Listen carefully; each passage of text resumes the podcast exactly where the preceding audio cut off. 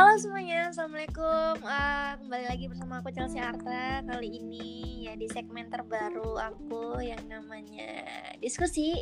Uh, Ini sebenarnya segmen yang aku bikin untuk memberikan wadah bagi teman-temanku Yang insya Allah menginspirasi Yang ya sebagai tempat untuk mereka berbagi pengalaman Bisa berbagi ilmu lah intinya. Nah sekarang kita kedatangan tamu nih yaitu seorang uh, halal influencer temanku juga. Tapi ya fokusnya lebih ke halal haram kontemporer dan aku lebih ke halal food. Nah kita langsung sambut aja. Assalamualaikum mbak Lili.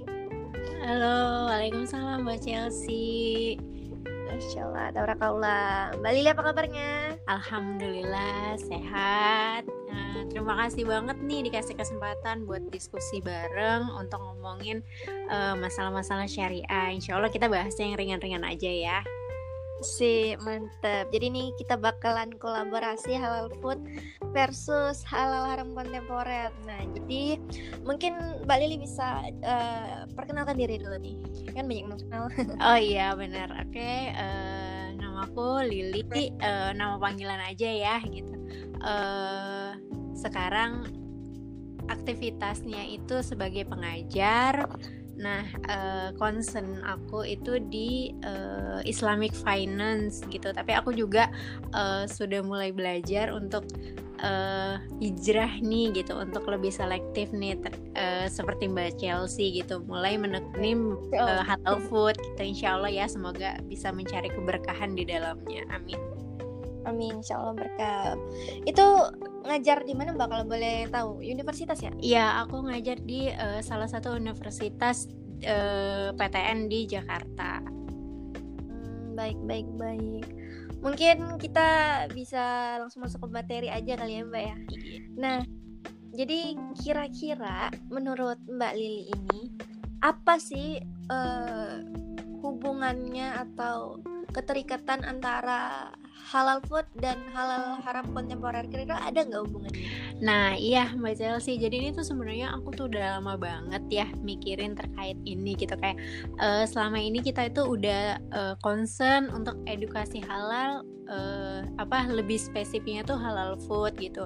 Karena memang itu sangat vital ya bagi kita sebagai uh, muslim gitu kan. Karena memang apa yang kita makan kita akan menjadi apa yang kita makan gitu. Tapi aku juga mikir nih gitu kan. Kan sayang banget insya Allah nih kan kita selama ini udah edukasi halal beberapa lama. Terus uh, sudah banyak teman-teman yang sudah mulai selektif concern di halal food gitu. Tapi ternyata ada nih uh, mungkin ke skip gitu kan yang seharusnya kebiasaan kita sehari-hari untuk tetap kita perhatiin uh, uh, apa syariahnya gitu. Jadi uh, aku akan bahas sedikit terkait transaksi syariah Mbak Chelsea. Jadi uh, transaksi ekonomi syariah seperti apa sih yang bakal kita lakuin sehari-hari? Nah sebagai umat muslim uh, khususnya gitu kan. Nah kita itu kan kalau setiap hari jelas dong pasti makan gitu kan. Nah ya uh, terus uh, kegiatan kita sehari-hari misalnya di mana pun gitu ketika makan otomatis kita pasti uh, melakukan transaksi. Kalau kita melakukan misalnya makan itu di tempat uh, di luar ya gitu misalnya di resto nah kita kan berarti bertra uh, bertransaksi kan gitu. Nah bukan hanya soal makanan halalnya gitu tapi kita sudah perhatiin belum terkait transaksinya gitu kan. Apakah benar kita uh, sudah melakukan jual beli yang benar seperti itu. Jadi uh, itu sih gitu. Aku uh, pengen ke apa concernin ke situnya. Jangan sampai uh, kita tuh sudah makan halal produknya juga sudah kita beli produk-produk yang halal tapi mungkin dalam perniagaannya tuh masih belum gitu masih belum sesuai syariah. Jadi kayak sayang aja gitu kalau misalnya sumber ke keberkahan harta kita itu uh, ke skip gitu gara-gara kita tuh nggak aware juga ke hal itu. Mungkin kayak gitu mbak Chelsea. Hmm, baik baik. Berarti lebih ke finansial ya mbak? Ya nggak sih? Iya bener jadi kayak transaksi hmm. terus finansial. Jadi kayak uh, apa ya kayak selama ini perniagaan kita itu sudah sesuai syariah atau belum? Terutama mungkin yang uh, pedagang kali ya mbak gitu. Kayak entrepreneur apakah sudah menerapkan transaksi sesuai syariah atau belum gitu Ya benar, apalagi kalau zaman sekarang para pebisnis dan uh, pengusaha itu kan apa ya bisnis kan sekarang makin seiring berkembangnya zaman itu makin banyak modelnya ada yang orang main saham, ada yang orang kredit, ada yang orang dagang biasa, komersil, properti segala macem. Nah itu kan kadang ada kan terselubung gitu, ya nggak mbak? Terselubung uh, ribanya iya. terselubung uh, apa ya MLM-nya ah nah yang kayak begitu karena berhubung saya ini nggak pernah MLM nggak pernah juga ngeriba jangan sampai sih ya karena juga belum ada tanggungan iya. jadi ya Kira-kira menurut Mbak nih gimana gitu?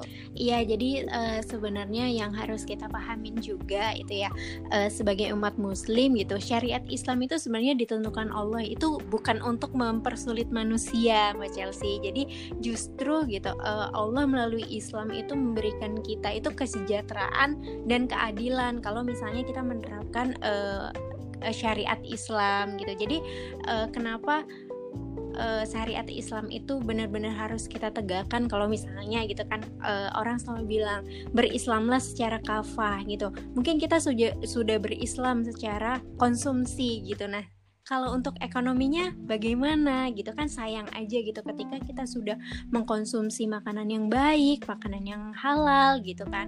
Tapi ternyata dalam hal transaksi ekonominya kita masih belum uh, sesuai syariah gitu. Jadi alangkah sayangnya kalau kita tidak concern ke hal itu juga. Jadi aku pengen uh, nekenin gitu sebenarnya gini ya, kalau kita ngomongin finansial itu kan banyak banget keuangan syariah itu banyak banget.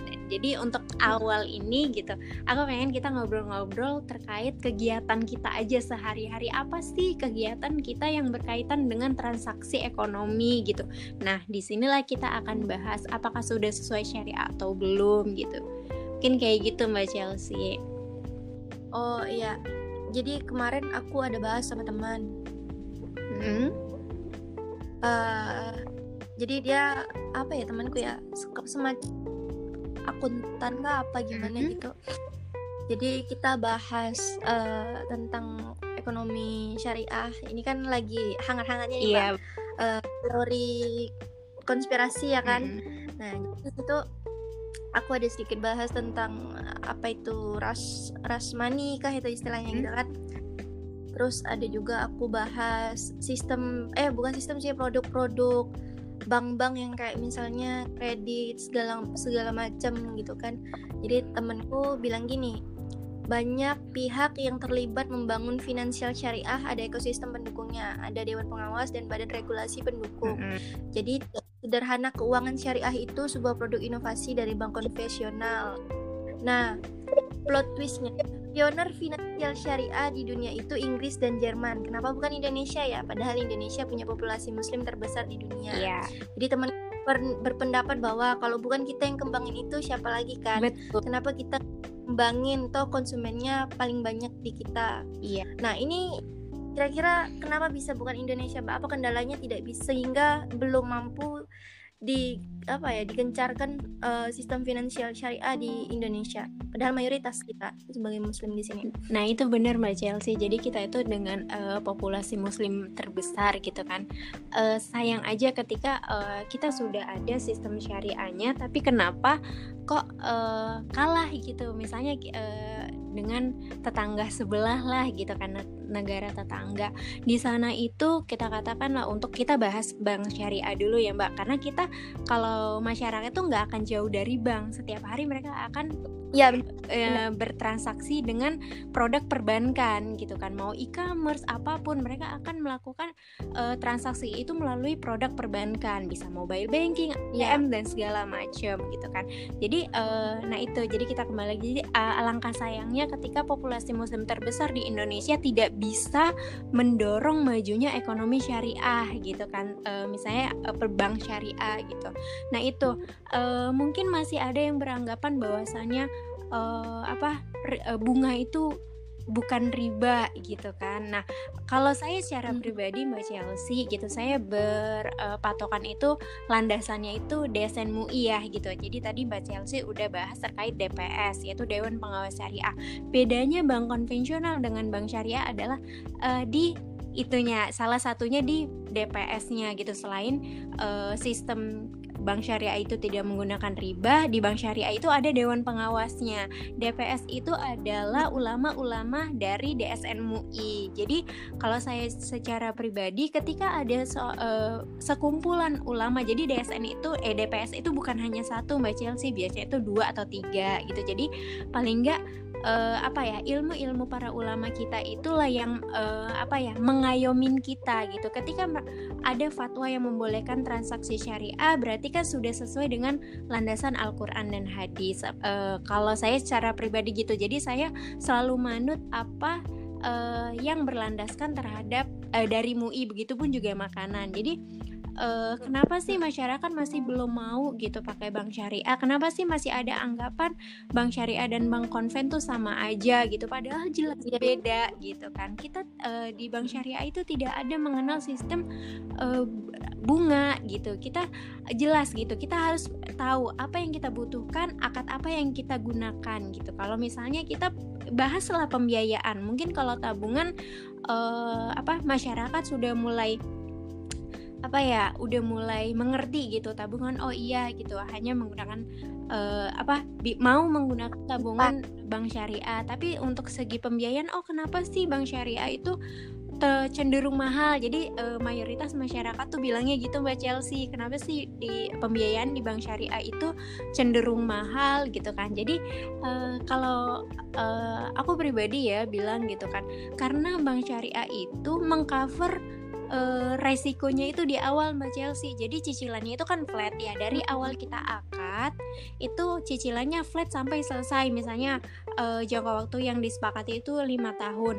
Dari uh, angsuran pertama sampai ke lima tahun itu angsurannya flat gitu. Jadi uh, sementara kalau di bank konvensional itu uh, angsuran itu berdasarkan suku naik. bunga yang berlaku pada bulan itu. Jadi untuk ya cenderung naik. Jadi angsuran setiap bulannya itu akan berbeda. Jadi kalau uh, untuk apa uh, beberapa golongan yang dia uh, terlalu apa ya concern dengan budgeting bulanan itu sistem bank syariah itu udah cukup membantu untuk mereka membuat budgeting gitu loh Mbak Cesi. Kalau misalnya nih ada pembiayaan nih gitu. Oh ternyata pembiayaan sebulannya tuh 2 juta gitu kan ya. Jadi mereka udah bisa budgeting gitu pengeluaran bulanan sekian cicilan sekian uh, apa uh, keuangan anak sekolah sekian, kebutuhan rumah tangga sekian gitu kan. Jadi itu cukup membantu uh, nasabah untuk mem, apa ya budgeting pengeluarannya setiap bulan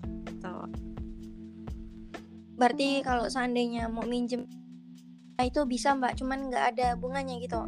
Uh, jadi kalau di bank syariah itu kita nggak mengenal bunga ya mbak. Jadi kita itu kalau uh, berdasarkan akad. Jadi kalau misalnya kita menggunakan akad murabaha akad jual beli jadi itu nanti kita uh, perhitungannya itulah harga pokok dan margin. Jadi tidak ada bunga. Jadi margin itu keuntungan si banknya gitu. Kalau untuk produk uh, akad murabaha tapi kalau untuk produk akad mudoroba itu akad bagi hasil. Jadi nanti ditentukan untuk nisbah-nisbah itu presentasi gitu loh Mbak. Jadi nanti kayak bahas, bagi hasil keuntungan itu dibagi berdasarkan presentasi uh, yang disepakati di awal. Misalnya kalau uh, pembiayaan mudoroba kan itu misalnya bank itu membiayai 80% gitu kan kebutuhan nasabah gitu.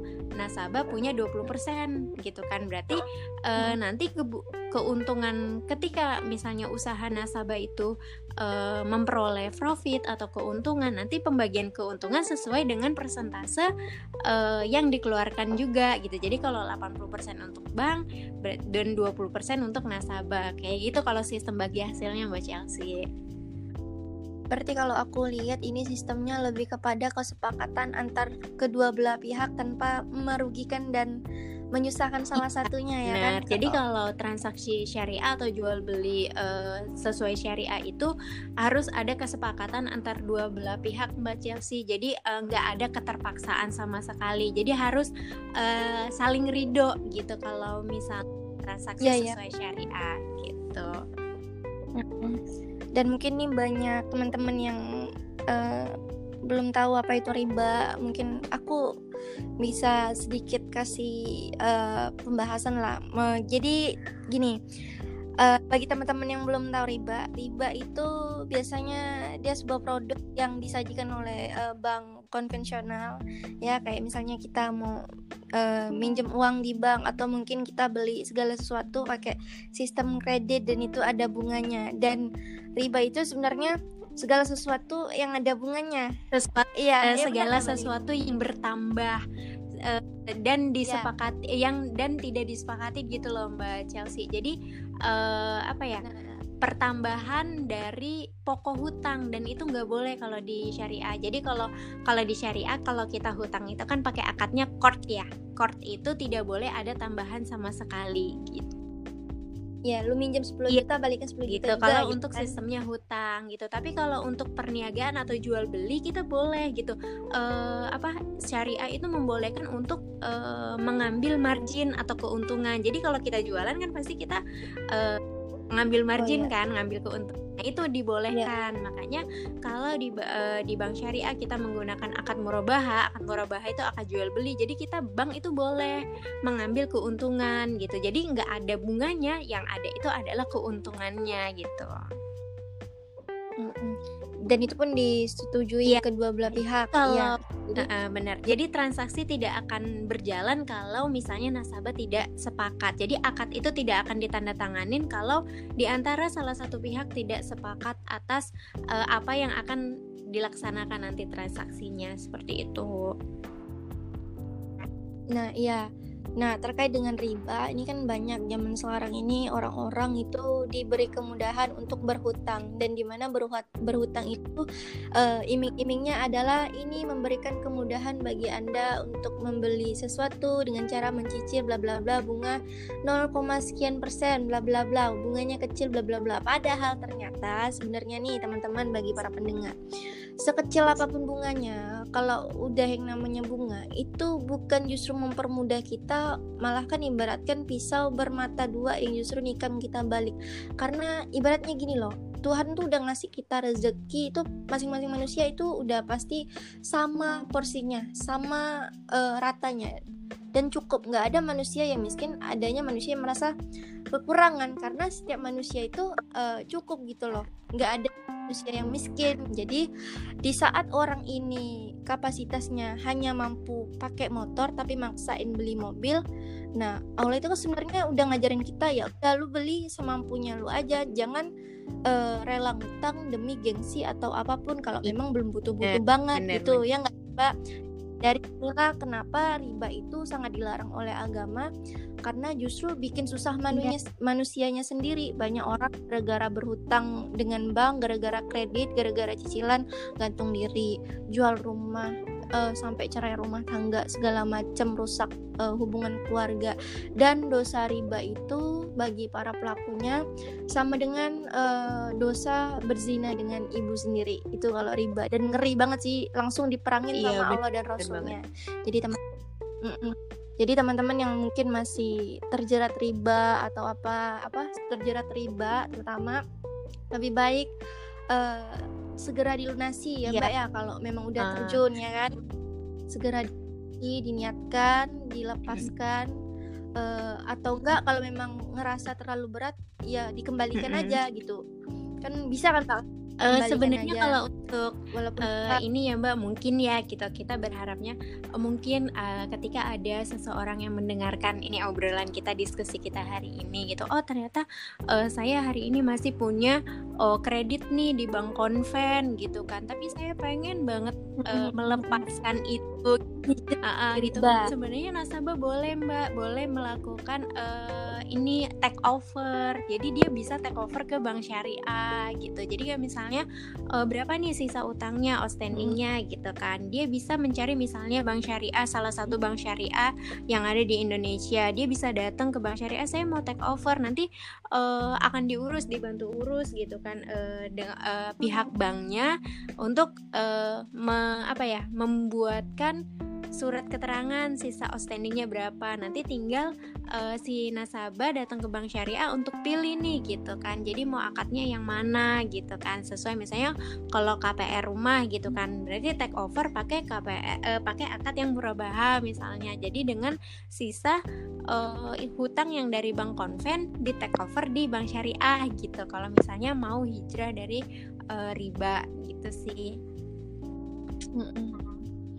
Iya, jadi kadang tuh ada tuh yang nanya Mbak, uh, kalau seandainya aku udah terjun di riba, pengen hijrah dari riba, uh, gimana nih? Jadi aku selalu menyarankan bahwa kalau emang apa si cicilannya sisa sedikit dan kamu mampu untuk melunasi segera lunasi segera lepaskan tapi kalau memang itu terlalu berat dan lama banget jangka waktunya lebih baik lu ikhlasin aja lu balikin walaupun udah bayar berapa juta gitu kan ya itulah resikonya memang gitu kan ibaratnya gini eh, nggak uh, mampu tapi maksain gitu ini kan udah di luar uh, batas kemampuan dia gitu kan tapi dipaksain malah hasil susah sendiri kerja pagi pulang malam iya. cuman buat bayar cicilan untuk apa nikmat hidupnya nggak ada jadi gitu kan. sebenarnya kan. ketika lebih hidup tanpa tanpa riba tenang hidup sentosa iya, ada mikir cicilan sebenarnya gitu. ketika uh, apa kalau kita mbak uh, bicara terkait transaksi ya mbak transaksi kegiatan sehari-hari memang uh, apa pembiayaan atau kita katakanlah hutang uh, mungkin di sebagian orang itu tidak bisa dilepaskan ada sesuatu kebutuhan yang mungkin memang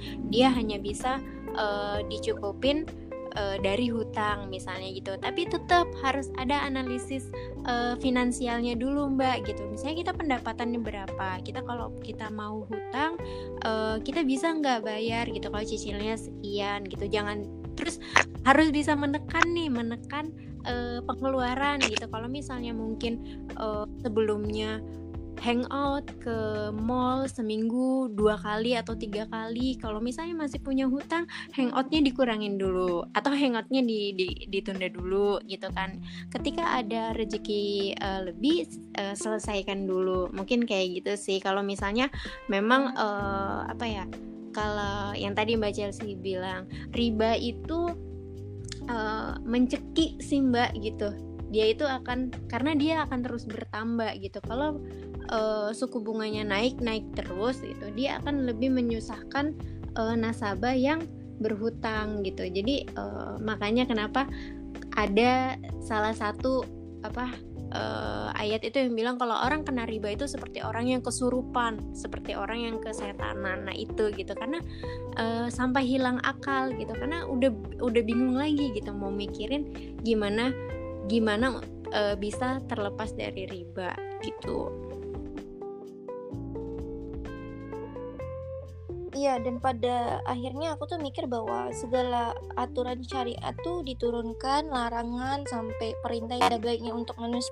Dan sebenarnya larangan riba pun itu tanda Allah sayang sama umat manusia gitu. Biar lo susah biar lo hidup nggak nggak dikejar-kejar utang mulu. Hiduplah sesuai kemampuan masing-masing jangan maksain gengsi gitu kan. Kalau nggak mampu ya pakai aja yang yang semampunya lu gitu. Jangan jangan sampai ngutang sampai apa ya minjem uang sana sini nyuri segala macam banyak loh yeah, dampak dari karena riba ketika yang dia banget, sudah gitu. terjun ke dalam riba dan tertekan gitu itu udah nggak ada lagi akal sehat yang bisa dia pakai untuk fik, uh, memikirkan gimana caranya bisa terlepas terlepas dari riba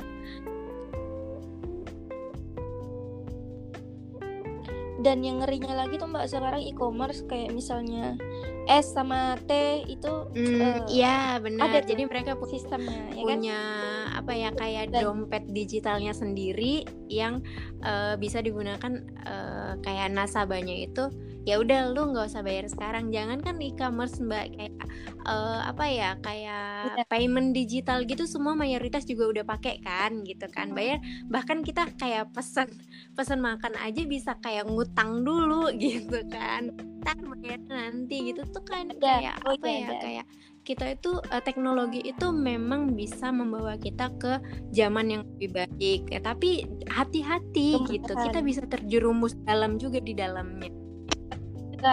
Iya. Jadi kita Iya, harus tahu dulu ya kan? gitu maksudnya ini tuh seperti apa prosesnya. Kalau kita nggak butuh-butuh amat nggak usah gitu iya iya masalahnya gini mbak banyak orang tuh nggak nggak kritis Nah, nggak selektif sadar lebih main- tepatnya main Mbak Chelsea. Jadi aja. kayak "Wah, apa nih yang hype? Oh iya, kalau misalnya hype kita tuh harus coba. Oh enggak, enggak kayak gitu juga sih kalau kata aku mah ya gitu kan. Kalau misalnya kita memang nggak mampu, nggak bisa, nggak usah tahan dulu. Nanti kalau misalnya ada, oke kita coba. Mungkin kayak gitu. Kalau misalnya iya kali masa Oke pengen, aduh pengen banget nih bakso lagi hype banget baru keluar rame. Udah deh nggak ada duit, ya udah deh pakai aja dulu ntar bayarnya nanti. Padahal kita nggak pernah tahu berapa bunga yang berjalan setiap harinya gitu kan sampai kita punya uang untuk membayar misalnya seperti itu. Iya, yang bahayanya lagi Mbak kalau misalnya e-commerce pun menyediakan produk seperti itu, banyak orang yang Iya. nggak paham bahwa itu salah satu produk riba.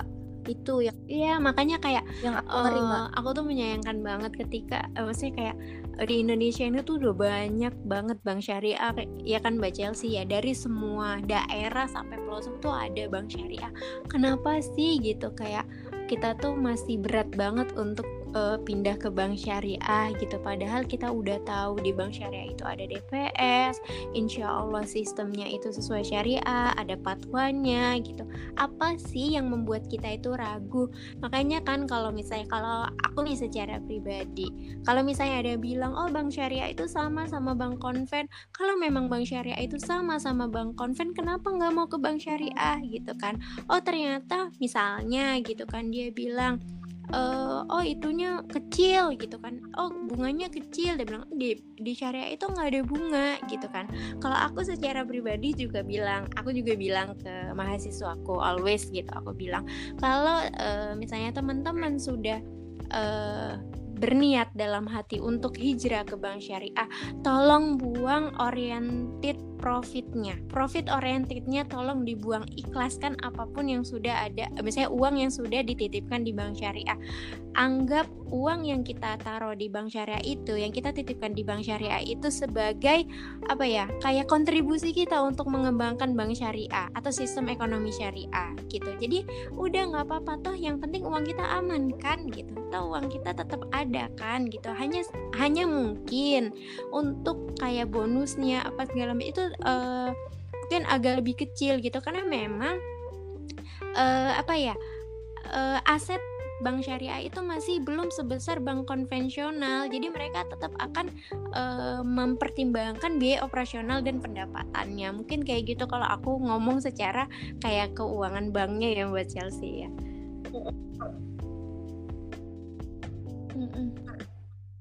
Berarti Iya mbak, jadi ini Dewan Pengawas Syariah itu adalah ya? anggota dari eh, Dewan Syariah Nasional Majelis Ulama Indonesia. Ya, jadi banyak nih audiens eh, kalau kita udah berbicara MUI, eh, kalau misalnya aku aja deh di Halal Food. Eh, Mbak, kalau udah halal Iya. MUI apakah sudah pasti halal? Nah, ini yang kayak begini nih ya. Jadi jadi nih teman-teman, kalau udah kita ber, be- apa ya berbicara tentang lembaga apalagi MUI, itu lembaga nggak cuma satu orang, rame ulama yang memutuskan suatu perkara. Jadi nggak nggak asal keluar aja gitu fatwanya. Termasuklah dalam segala aturan apa pun yang turun di kita saat ini. Kalau misalnya ada larangan atau apa pun itu rujukannya pasti berdasarkan diskusi para ulama yang jelas tidak bertentangan dengan Quran dan hadis. Kalaupun ada fatwa yang keluar biasanya juga sebagai tindakan preventif. Dan kalau kita berbicara tentang sertifikasi halal yang keluar dari urusan perbankan syariah itu MUI mengeluarkan eh, sertifikasi halal nggak sekedar keluar tanpa tabayun. Dia ada prosesnya panjang. Pertama pertama dia, dia harus ngecek lagi tuh eh, apa alat masaknya. Zaman sekarang kan ada tuh fenomena alat masak yang pakai kuas, kuas bulu babi. Atau ada juga eh, apa tuh bumbu-bumbu masaknya apa aja. banyak yang masih nggak tahu. Itu Japanese food Iya. gitu kan. angciu apa mungkin apa ya uh, angciu apa ya basi banyak tuh yang nggak tahu tapi mereka pakai gitu. Terus ada juga dari cara pengolahannya seperti apa sampai uh, UMKM-nya itu juga diedukasi terkait uh, ilmu halal haram. Jadi nggak sekedar ngeluarin gitu aja bukan sekedar lu bayar sertifikasinya keluar. Enggak prosesnya panjang bukan sembarang sembarang proses. Dan itu pun bisa jadi ketolak kalau memang ada syarat yang tidak dipenuhi ya kan mbak? Iya jadi kalau di perbankan itu sendiri itu gimana mbak? Sistemnya dia kan per produk. Jadi uh, setiap produk itu harus sudah ada fatwa DSN-nya misalnya kalau uh, ngeluarin produk uh, tabungan nih tabungan uh, mudoroba gitu tabungan bagi hasil. Itu pasti sudah ada uh, MUI-nya gitu. Jadi setiap produk yang uh, dikeluarkan oleh bank syariah kalau teman-teman misalnya ada uh, fatwanya gitu. Semua insya Allah sudah ada fatwanya gitu. Jadi uh, semua yang ada di bank syariah produk-produknya itu sudah lulus dari uh, DSN MUI semua. Karena itu akan di misalnya ini aku kasih kayak gambaran gitu ya mbak. Misalnya uh, uh, bank syariah pengen inovasi produk gitu kan. Oh ini ada produk baru gitu kan. Misalnya uh, apa ya katakannya ya kita bilangnya produk baru aja. Nanti itu DPS akan tanya ini produknya karakteristiknya seperti apa? Ditujukan ke siapa? Iya gitu kan. nanti gitu. sistemnya seperti apa? Nanti ditelisik dulu gitu. Apakah ada celah-celah yang membuat dia uh, apa menjadi transaksi yang terlarang gitu kan. Kalau misalnya belum ada fatwanya kira-kira ada nggak nih gitu fatwa yang bisa mendukung? Kalau misalnya memang tidak ada fatwa yang bisa mendukung itu produk tidak akan bisa keluar gitu kan. Jadi uh, tetap semuanya pasti menggunakan landasan. Jadi nanti misalnya gitu kan kalau teman-teman benar-benar mau cari oh uh, seperti apa sih produk uh, murabaha di bank syariah itu? Mana sih landasannya? gitu. Teman-teman pasti akan temukan semua fatwa DSN-nya hmm, berarti yang handle nih udah udah orang yang ahli pada bidangnya lah jadi kita nggak usah khawatir iya betul segala macam ya kan kita bantah juga kita tetap kalah sih karena mereka alasannya selalu bisa diterima akal dan logika iya. kalau menurut saya sih ya. karena saya kritis orangnya kalau mau nanya. Jadi ya udah gue taruh aja deh gitu. Ini udah ahli udah ahli lo ya udah gue hanya sebagai penyampai aja lah. Iya jadi udah, uh, kita tuh kayak okay. ya udah kita tuh uh, ya sama sih seperti ini sebenarnya pengalaman aku gitu. Ya katakanlah aku uh, sebagai nasabah bank syariah aku tuh pengen gitu. Uh, kan kita nggak pernah tahu ya mbak uh, hidayah Allah itu kepada siapa dan melalui siapa gitu kan. Ya kita nggak pernah tahu. Mungkin ada salah satu uh, satu orang aja yang misalnya mendengarkan kita oh bener-bener Allah gerakan hatinya untuk eh ternyata besoknya dia hijrah tuh ke bank syariah dipindahin semua uangnya. Kan kita nggak pernah tahu ya kan mbak Chelsea gitu. Jadi kita juga uh, ya udah sampaikanlah yeah. apa yang kita tahu yang insya Allah uh, udah sesuai syariah yang insya Allah benar gitu. Masalah siapa yang mau dengar atau enggak itu udah bukan urusan kita kita lagi. Yang penting apa yang kita tahu dan insya Allah benar bisa kita sampaikan dan insya Allah bermanfaat. Iya benar-benar banget. Karena untuk apa kita belajar uh, ilmu suatu ilmu tapi kita enggan untuk membagikan lantaran karena kita ngerasa belum cukup ilmunya. Iya memang sih kalau kita berbicara belum cukup ilmu sampai kapan pun kita nggak pernah nggak bakalan pernah bisa merasa cukup kalau perkara ilmu. Karena ilmu ini luas gitu. Kalau kita nanti nanti apalagi kita bisa sharing berbagi ilmu gitu. Yang jelas kan nggak mungkin nggak ada ilmu yang nggak nggak kita kuasain yang bisa kita bagi. Minimal sesuai kapasitas betul lah, betul banget bicaranya gitu, ya nggak mbak Iya kalau perkara MLM itu gimana? Apakah ada jenis-jenisnya? Uh, Sebenarnya kalau MLM ngebahas MLM ya uh, itu tuh cukup panjang sih Mbak Chelsea. Aku uh, sejujurnya kalau aku aku secara pribadi uh, apa ya kurang setuju karena sistem MLM itu kayak piramid gitu kan Mbak Mbak Chelsea ya kalau pernah lihat gitu karena jadi itu yang iya. bawah itu menyokong yang atas gitu. Kalau Iya, ya, bener. Jadi, kalau zolim aku, ke orang gitu. Uh, jadi secara pribadi aku sih uh, karena uh, apa ya harusnya sih kalau kita secara syariah itu kan sistemnya tahun ya tolong menolong ya bukan bukan uh, yang kecil menolong yang yang sudah seharusnya uh, orang yang gimana ya bahasanya yang kecil bukan Iya, seharusnya benar, semakin kayak gitu, membesarkan yang gitu. sudah Jadi, besar Eh, seharusnya yang memang kita Hmm. berlebih atau mungkin kita yang punya itulah kita lah yang menolong orang-orang yang seharusnya membutuhkan dan eh, apakah semua MLM itu prinsipnya eh, sama piramid semuanya atau Eh, mayoritas sih Ada eh, pembagian lagi? sistemnya piramid sih Mbak Chelsea. Aku sih belum terlalu concern ya kalau MLM gitu karena memang aku backgroundnya itu eh, perbankan syariah gitu karena memang eh, aku nggak nggak begitu Mhm. tertarik juga kalau misalnya MLM gitu bisnis bisnis MLM gitu. Jadi aku memang konsennya di keuangan syariah. Iya, soalnya zaman sekarang eh, sepantaran aku tuh banyak banget yang terjebak di MLM, Mbak, dan mereka nggak tahu kalau itu tuh justru bikin mereka merasa tersakiti karena dizolimin sama yang atas gitu.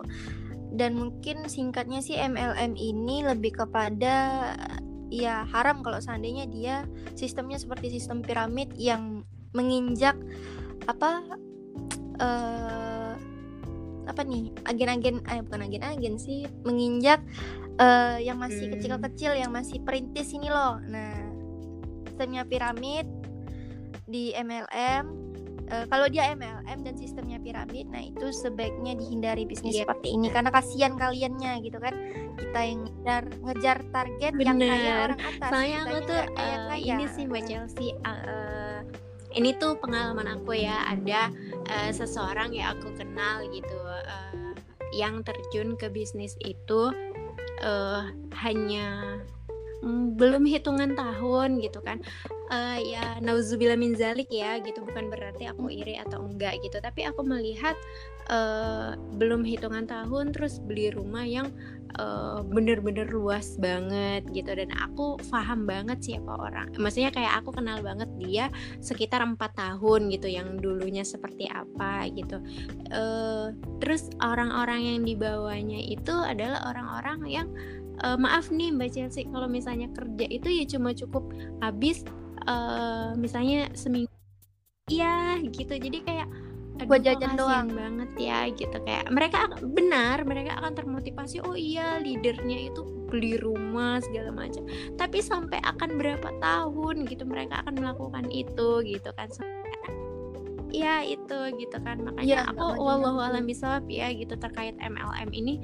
Aku bener-bener eh, apa ya nggak begitu menguasain. Jadi aku nggak nggak bisa terlalu banyak eh, membahas itu. Tapi paling tidak ketika kita punya pengalaman mungkin itu bisa menjadi pelajaran kali ya buat eh, teman-teman yang lain. Paling nggak kalaupun misalnya tertarik dipelajari dulu gitu. Sistemnya seperti apa nanti ke depannya seperti apa gitu. Jadi jangan jangan apa teriming-imingin oh iya nanti eh, dua bulan beli mobil terus nanti tiga bulan beli rumah gitu kan.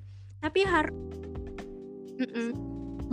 boleh boleh kalau Iya benar. Gitu. Tapi mayoritas MLM itu terle- eh, banyak yang diiming-imingi Mbak Chelsea gitu. Nanti kalau misalnya mengerjakan ini atau beli ini ini produk ini nanti tiga bulan bisa misalnya jalan-jalan ke luar negeri gitu kan. Aku nggak nggak paham sih sistemnya kok bisa Betul. gitu hanya begitu terus jalan-jalan ke luar negeri gitu kan.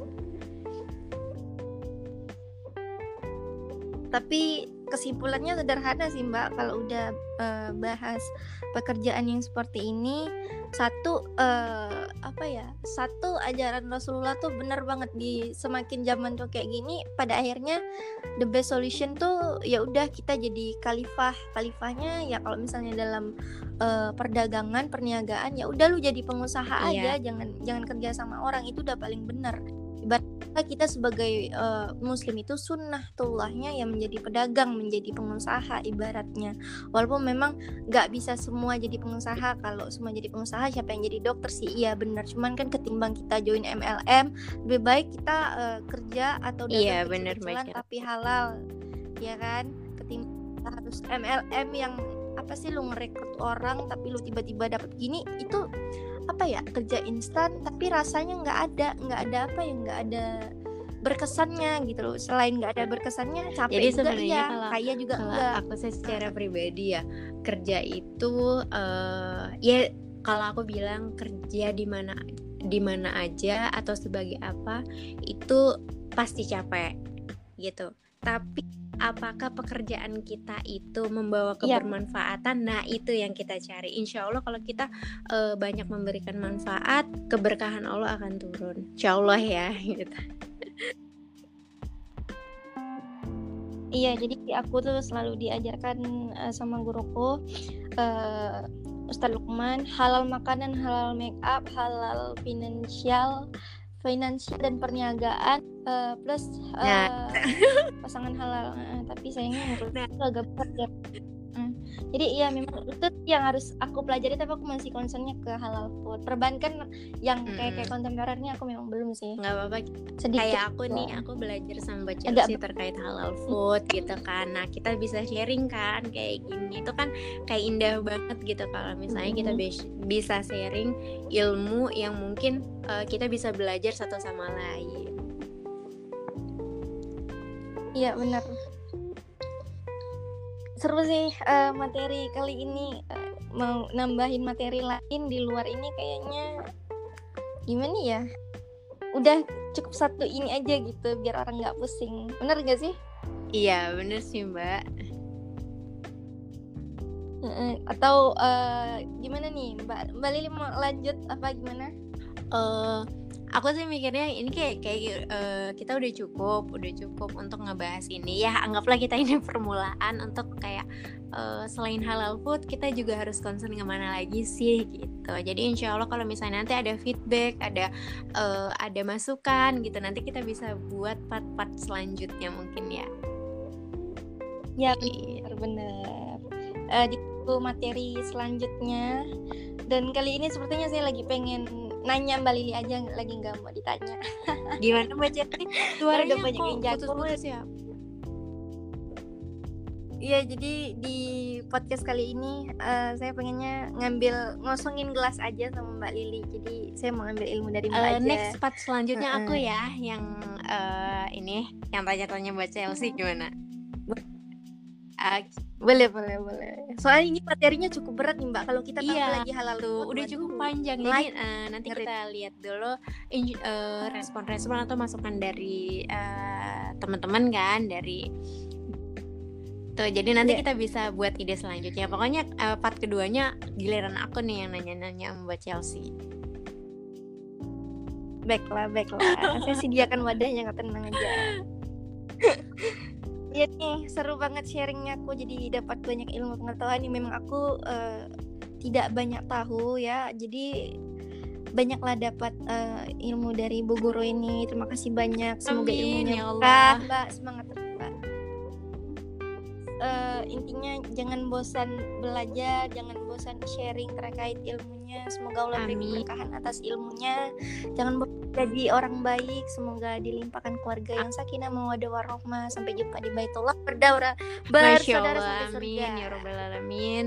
Makasih doanya Mbak Chelsea gitu. Eh, setiap doa baik insya Allah akan balik kepada orangnya. Jadi eh, segala doa terbaik lah untuk Mbak Chelsea yang nggak pernah bosen nih gitu kan dakwah apa pun gitu yang bisa disampaikan apa pun hal baik yang bisa disampaikan gitu selalu bisa membuat orang itu eh, apa ya belajar setiap hari gitu jadi insya Allah ya kalau kita dakwanya bareng-bareng itu bisa eh, lebih bermanfaat ya Mbak Chelsea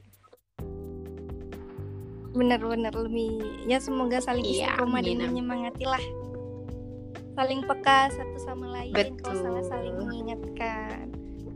Iya, sama-sama aku juga senang banget nih hari ini bisa sharing bareng sama Mbak Chelsea diskusi yang eh, cukup menarik sih. Iya. Berat tapi santuy. Semoga santuy sih ya Allah.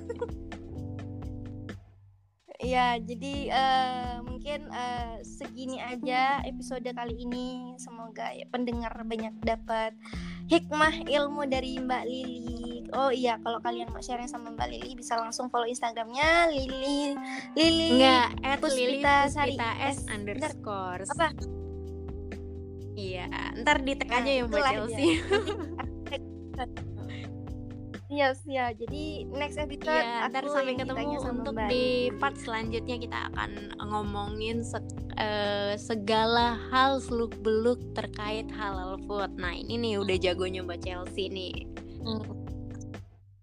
Udah, sebenarnya saya ini anak-anak paling muda. Tapi yang paling semangat untuk terus menyampaikan kebaikan. Amin, semoga istiqomah Sama-sama. Makasih banyak Mbak Lili. Semoga Amin. uh, lancar puasanya. Iya, sama-sama Mbak. Chelsea. Jazakillah khair ya untuk kesempatannya malam ini. Siap. Saya makasih banyak. Makasih Waalaikumsalam banyak ya Mbak. Assalamualaikum. Nah, para pendengar sekalian, aku baru aja selesai eh, berbincang hangat dengan Mbak Lili. Ini benar-benar gelasku sangat penuh sekali eh, dengan ilmunya beliau, masya Allah sekali ya. Karena memang benar aku agak kurang di ilmu halal haram kontemporer. Lebih tepatnya belum mendalami sih karena aku sekarang concernnya ke halal food. Jadi ya Aku harap bahasan kali ini benar-benar seru dan walaupun materinya eh, berat bagi beberapa orang, tapi semoga eh, dengan cara pembawaan Mbak Lili dan kami dan aku, kami berdua lebih tepatnya eh, bisa dicerna dan diterima oleh banyak orang, oleh banyak pendengar sekalian.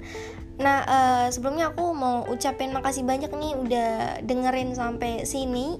Ya, insya Allah kita bakalan eh, berbincang kembali dengan topik-topik yang lebih menarik dengan narasumber yang yang pastinya sangat menginspirasi, yang beda, yang unik, yang keren lah pokoknya. Pokoknya kalau udah temen aku, kenalan aku itu pasti udah pasti keren. Jadi ya tenang aja. Isi kepalanya tuh jangan diraguin lagi. Walaupun mungkin agak-agak unik-unik dikit, tapi gue yakin lo pasti bakal speechless kalau udah dengerin dia ngomong karena ilmunya tuh pasti ada pengalaman mereka tuh ada jadi udah sih ini podcastnya udah cukup panjang gue nggak mau banyak bacot lagi at least Thanks for listening this podcast. Don't forget to share, likes, uh, nggak ada likes ya. Oke, jadi ya udah di share aja ke teman-temannya. Terus uh, di follow. And then I'm Chelsea Arta. Jazakumullah khair. Assalamualaikum warahmatullahi wabarakatuh. Dah.